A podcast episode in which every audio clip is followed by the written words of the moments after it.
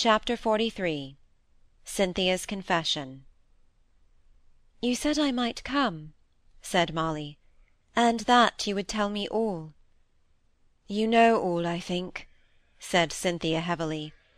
"Perhaps you don't know what excuses I have, but at any rate you know what a scrape I am in."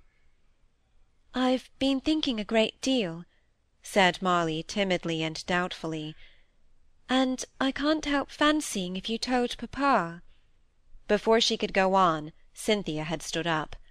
"No," said she, "that I won't, unless I'm to leave here at once. And you know I have not another place to go to—without warning, I mean.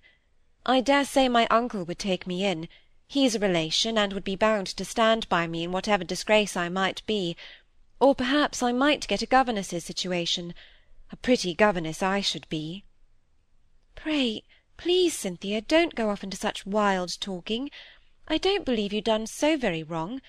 You say you have not, and I believe you.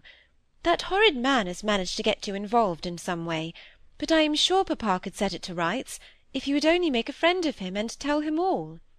"No, Molly," said Cynthia, "I can't, and there's an end of it. You may if you like, only let me leave the house first. Give me that much time." "You know I would never tell anything you wished me not to tell, Cynthia," said Molly, deeply hurt. "Would you not, darling?" said Cynthia, taking her hand. "Will you promise me that? Quite a sacred promise? For it would be such a comfort to me to tell you all, now you know so much." "Yes, I'll promise not to tell. You should not have doubted me," said Molly, still a little sorrowfully. "Very well, I trust to you, I know I may." "But do think of telling papa, and getting him to help you," persevered Molly. "Never," said Cynthia resolutely, but more quietly than before. "Do you think I forget what he said at the time of that wretched Mr. Coxe? how severe he was, and how long I was in disgrace, if indeed I'm out of it now? I'm one of those people, as mamma says sometimes. I cannot live with persons who don't think well of me. It may be a weakness, or a sin, I'm sure I don't know, and I don't care, but I really cannot be happy in the same house with any one who knows my faults, and thinks that they are greater than my merits. Now you know your father would do that. I have often told you that he, and you too, Molly, had a higher standard than I had ever known.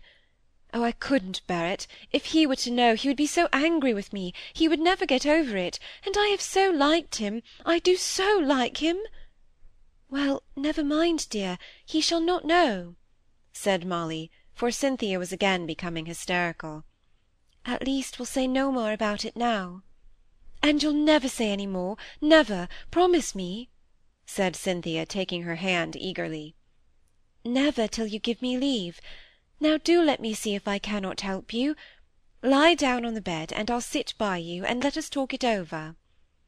But Cynthia sat down again in the chair by the dressing-table. "When did it all begin?" said Molly, after a long pause of silence. "Long ago, four or five years. I was such a child to be left all to myself.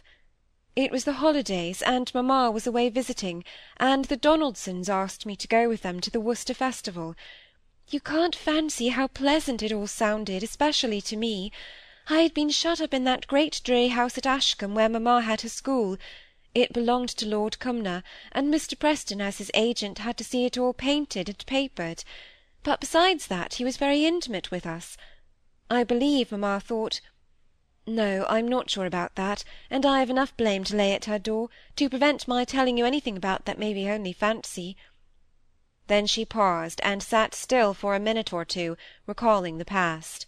Molly was struck by the aged and careworn expression which had taken temporary hold of the brilliant and beautiful face.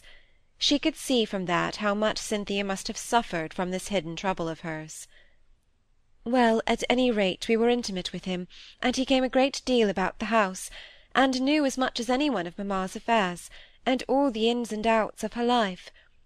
I am telling you this in order that you may understand how natural it was for me to answer his questions, when he came one day and found me, not crying, for you know I'm not much given to that, in spite of to-day's exposure of myself, but fretting and fuming, because, though mamma had written word I might go with the Donaldsons, she had never said how I was to get any money for the journey, much less for anything of dress, and I had outgrown all my last year's frocks, and as for gloves and boots, in short, I really had hardly clothes decent enough for church. Why didn't you write to her and tell her all this? said Molly, half afraid of appearing to cast blame by her very natural question. I wish I had her letter to show you. You must have seen some of mamma's letters, though. Don't you know how she always seems to leave out just the important point of every fact? In this case she descanted largely on the enjoyment she was having, and the kindness she was receiving, and her wish that I could have been with her, and her gladness that I too was going to have some pleasure. But the only thing that would have been of real use to me she left out, and that was where she was going to next.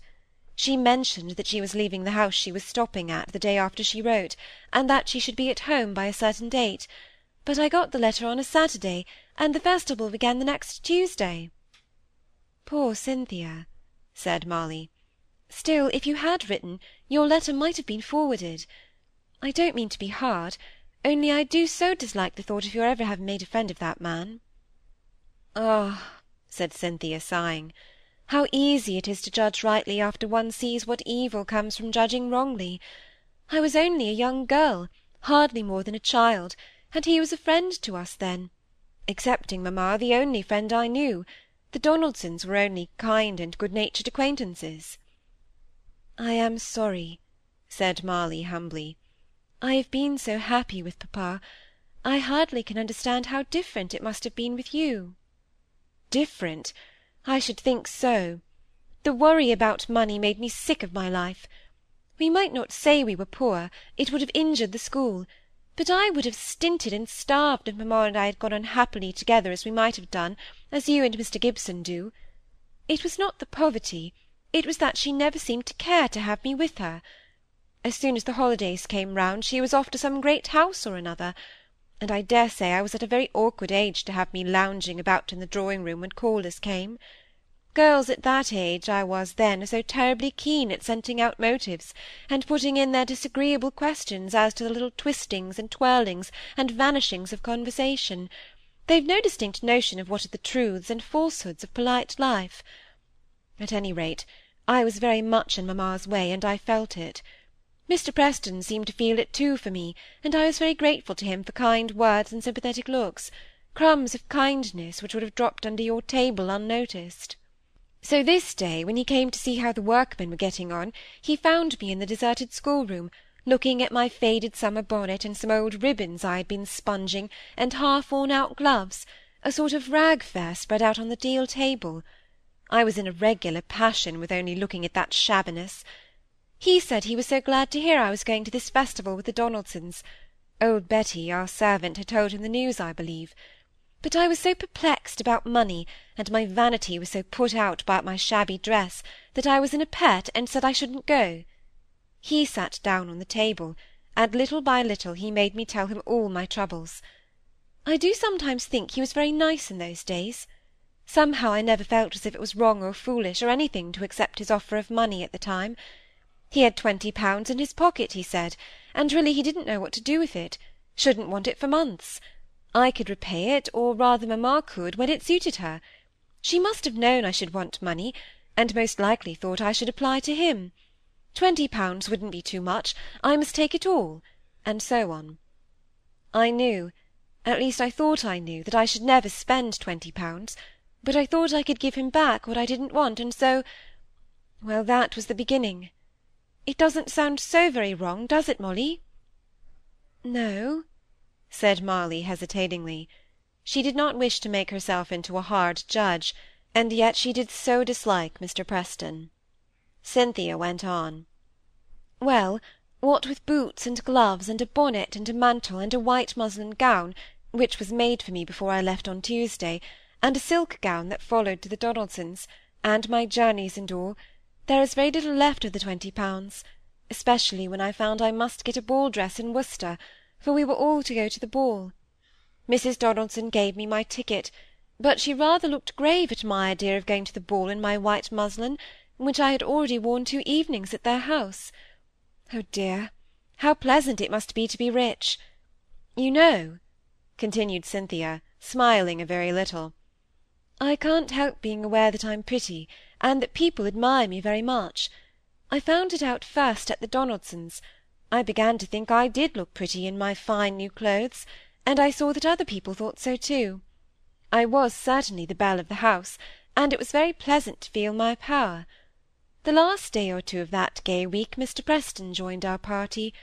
The last time he had seen me was when I was dressed in shabby clothes too small for me, half crying in my solitude, neglected and penniless.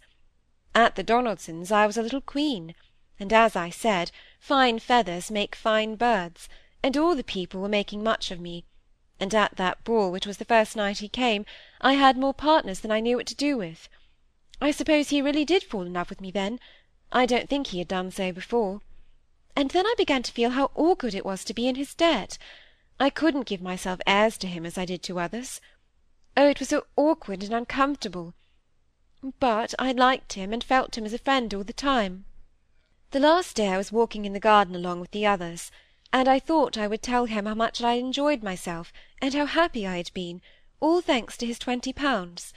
I was beginning to feel like Cinderella when the clock was striking twelve, and to tell him it should be repaid to him as soon as possible, though I turned sick at the thought of telling mamma, and knew enough of our affairs to understand how very difficult it would be to muster up the money.